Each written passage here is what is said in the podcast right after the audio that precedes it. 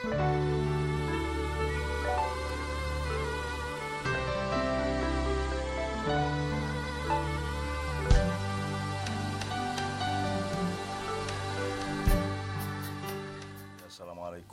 warahmatullahi wabarakatuh.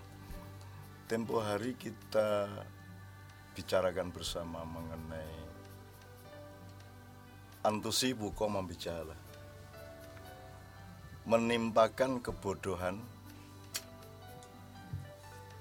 kepada kaum. Kepada kaum itu kepada masyarakat kepada masyarakat itu bisa bangsa bisa rakyat bisa masyarakat bisa umat bisa itu ya. Itu semua ada satuan-satuan yang berbeda tapi pokoknya intinya adalah menimpakan kebodohan.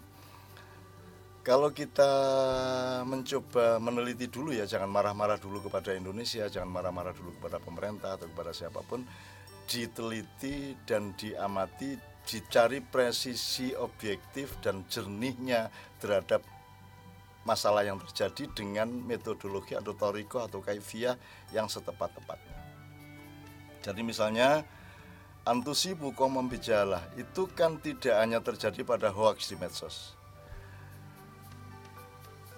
Dulu di dunia jurnalistik ada yang namanya check and recheck ada kalau ada berita dari A tentang B dikonfirmasikan ke B.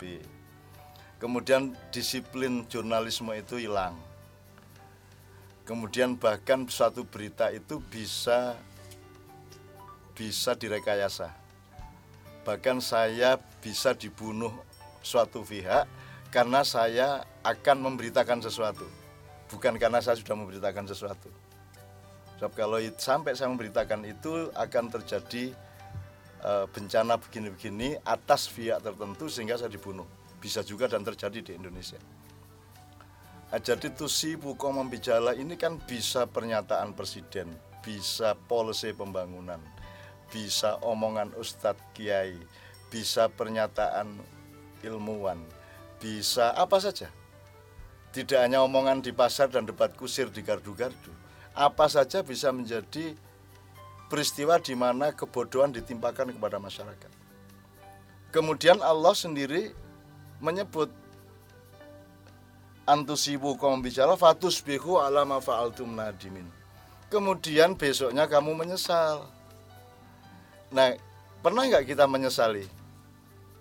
Kita pernah nggak menghitung penyesalan-penyesalan bangsa Indonesia? Kita pernah nggak ini ini sangat luas sebenarnya. Ini kunci-kunci saja yang kita omongkan supaya kita bisa punya cara mengukur, cara melihat, cara memandang. Ya. Apa saja yang kita sesali di Indonesia ini? Misalnya amandemen undang-undang. Itu Anda banggakan apa Anda sesali? Coba dihitung.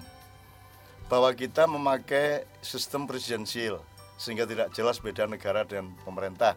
Itu Anda sesali atau Anda banggakan? Tidak jelas beda antara rumah tangga dengan keluarga misalnya.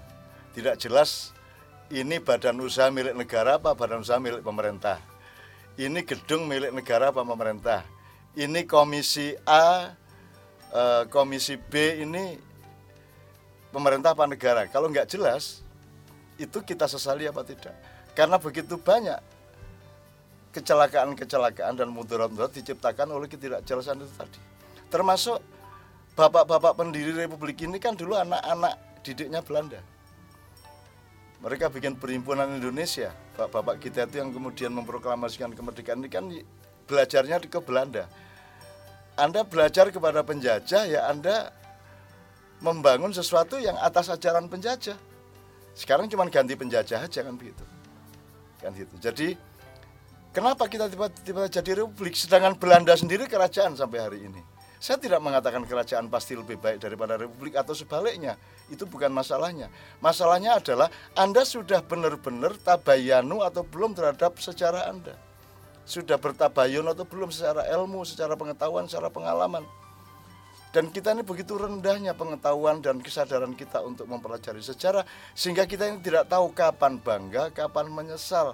Kita tidak tahu kapan kita merasa malu, kapan kita merasa merasa apa merasa mongkok hati kita jadi saya mohon, saya berharap di antara Anda yang mendengar ini adalah anak-anak yang berumur belas tahun dan likuran tahun yang memikirkan betul ini semua dengan bertabayun terhadap sejarah kita sendiri sebagai bangsa dan negara sehingga pada suatu hari 10 tahun lagi, 15 tahun lagi Anda akan menjadi pemimpin baru yang betul-betul mengerti Indonesia dan mengerti rajian NKRI itu seharusnya bagaimana.